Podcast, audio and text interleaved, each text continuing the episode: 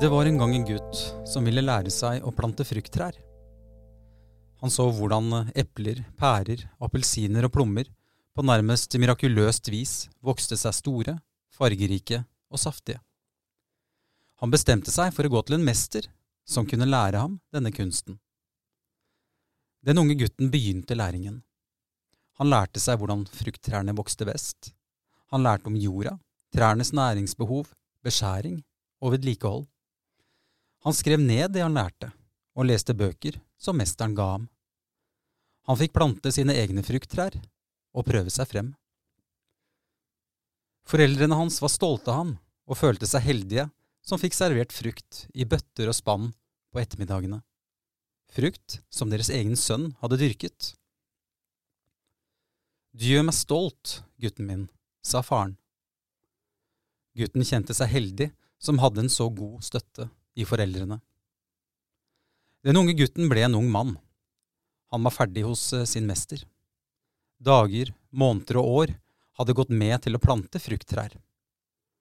Han var klar for å plante frukttrær, slik at når han en dag fikk kone og barn, kunne forsørge dem. Men han var ikke ferdig med å lære. Han følte at han ikke kunne holde denne lærdommen for seg selv. Han ville lære enda mer om planting av eh, frukttrær. Han ville dele sin kunnskap. Nå ville han lære om hvordan han skulle lære dette bort til barn og unge. Han gikk til en ny mester, en stormester, som ikke bare lærte ham mer om frukttrær, men også hvordan mesteren skulle holde motivasjonen oppe hos elevene, selv om frukttrærne ble mislykket. Dette er hemmeligheten. Dette er selve kunsten, sa stormesteren. Kunsten er å få elevene til å fortsette, selv om de ikke lykkes på første forsøk. Kunsten er å se hver enkelt elev. Se dem ikke bare for den de er, men hva de kan bli. Det er slik de får troen på seg selv. Du må få eleven til å føle seg trygg og sett. Dette er din største oppgave. Det er først da de virkelig kan lære. Den unge mannen som nå skulle lære å bli mester, tenkte tilbake på da han selv var ung og lærte om dyrkingen av frukttrær. Mesteren hans hadde lært ham å undre seg, eksperimentere med dyrkingen og være nysgjerrig. Mesteren hadde oppmuntret ham og fortalt at han kom til å lære av feilene. Mesteren så hva det kunne bli av ham. Den unge mannen tenkte tilbake på den dagen da han kom hjem med kurven full av frukt som vanlig, og oppdaget sin far livløs på gulvet. Det ble vanskelig å skulle holde fokus på læring. Det føltes plutselig meningsløst. Faren ble begravet på en ås bak huset, omgitt av epletrær, som gutten selv hadde plantet. Tiden som kom, ble tung. Gutten fortsatte å lære om frukttrærne, men tankene vendte stadig tilbake til hans far og synet av ham liggende på steingulvet. Han husker at han til og med kunne være frekk mot sin mester, og det var dager da han stirret tomt på trærne uten å løfte en finger. Men mesteren fortsatte å være der for ham. Mesteren lot ham sørge på sin måte. Noen måneder etter farens død spurte han om hvordan mesteren hadde klart å være så tålmodig med ham. Mesteren svarte, Hvis jeg kjefter og gir deg opp, er jeg ingen mester, da er jeg bare en kommandant. Den unge mannen startet hos stormesteren. Han visste at han aldri kom til å bli rik som mester. Det var heller ikke målet hans. Å lære bort å plante frukttrær ga noe mer enn penger. Han trengte ikke et palass. Han visste at jobben som mester ga livet mening, og han visste at han kunne være med på å gi elevene mening i sine liv. Den unge mannen gikk i lære hos stormesteren i fire år. Han måtte plante 240 frukttrær. Noen var obligatorisk å plante, andre kunne han velge selv.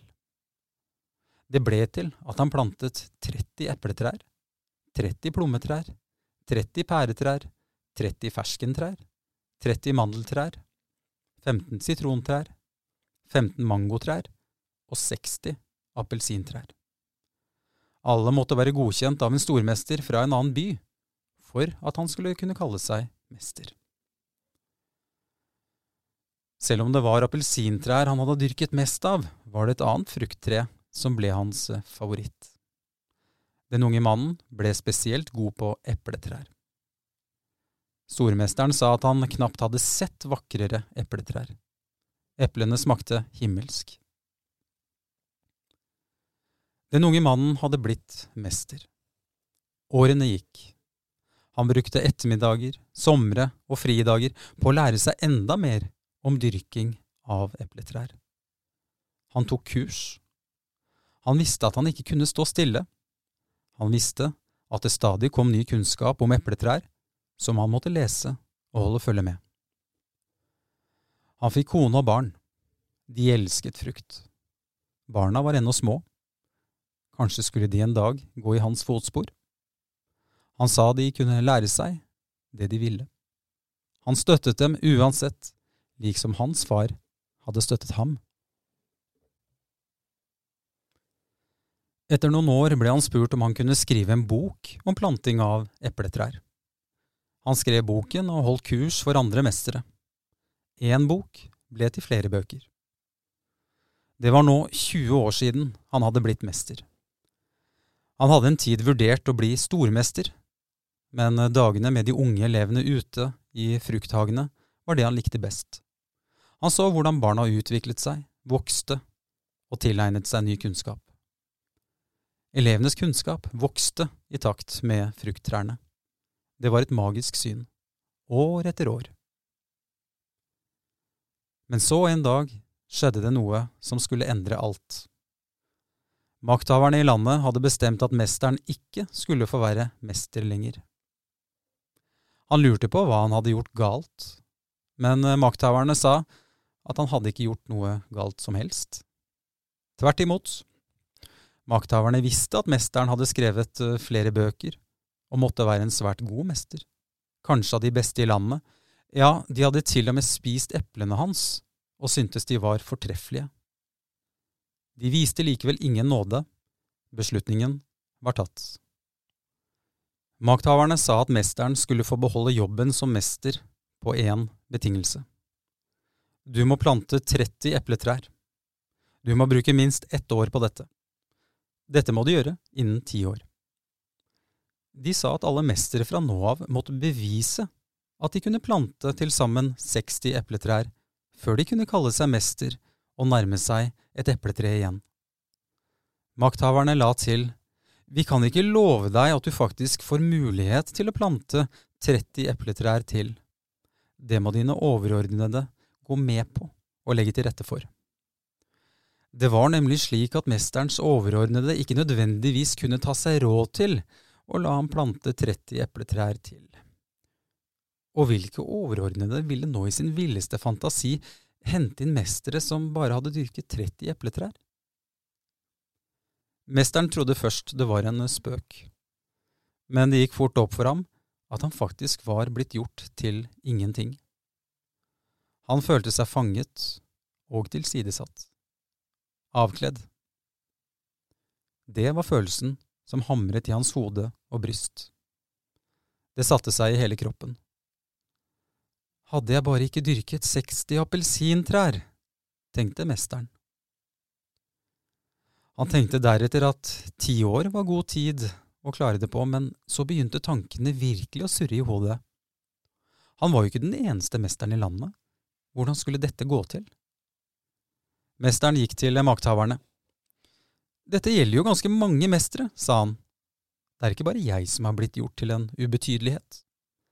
Ja, det gjelder ganske mange tusen, sa makthaverne hånlig, som om mesterne var inkompetente, noe de selvsagt ikke var, etter minst fire år hos sin stormester, kurs og årevis med erfaring.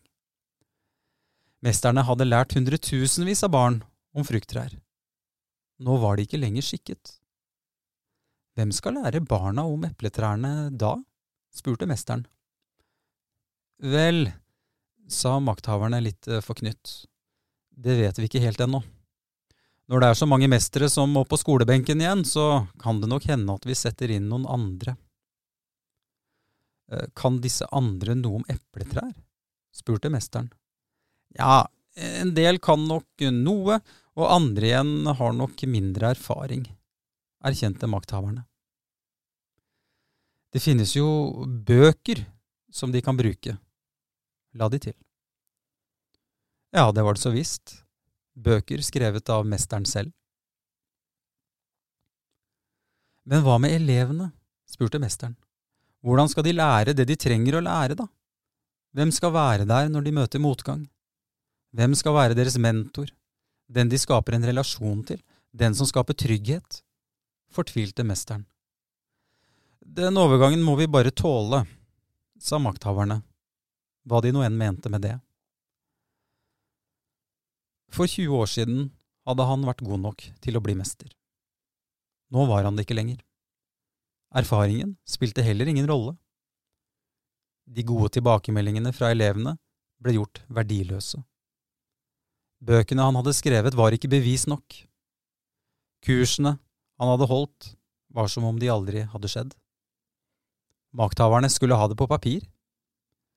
De skulle ha bevis, synlige bevis, som en helleristning. Mesteren innså at slaget var tapt. Han skjønte at han måtte tie. Var du imot dette, var du jo imot kunnskap. Men var det noe mesteren var for, så var det jo kunnskap.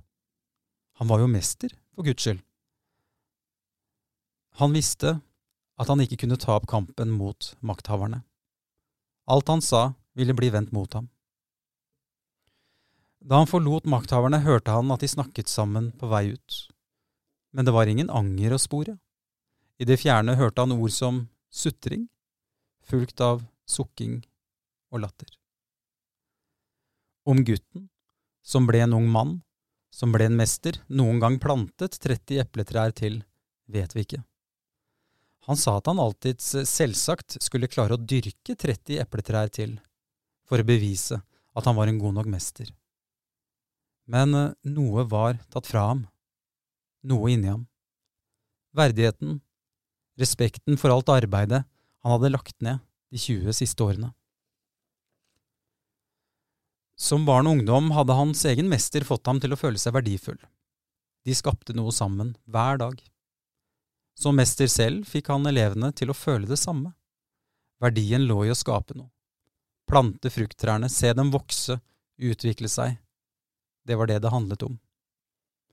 Nå hadde makthaverne, med et pennestrøk fått ham til å føle seg verdiløs. Makthavere som aldri hadde sett en elev plante sitt første epletre. De hadde tatt makt over ham.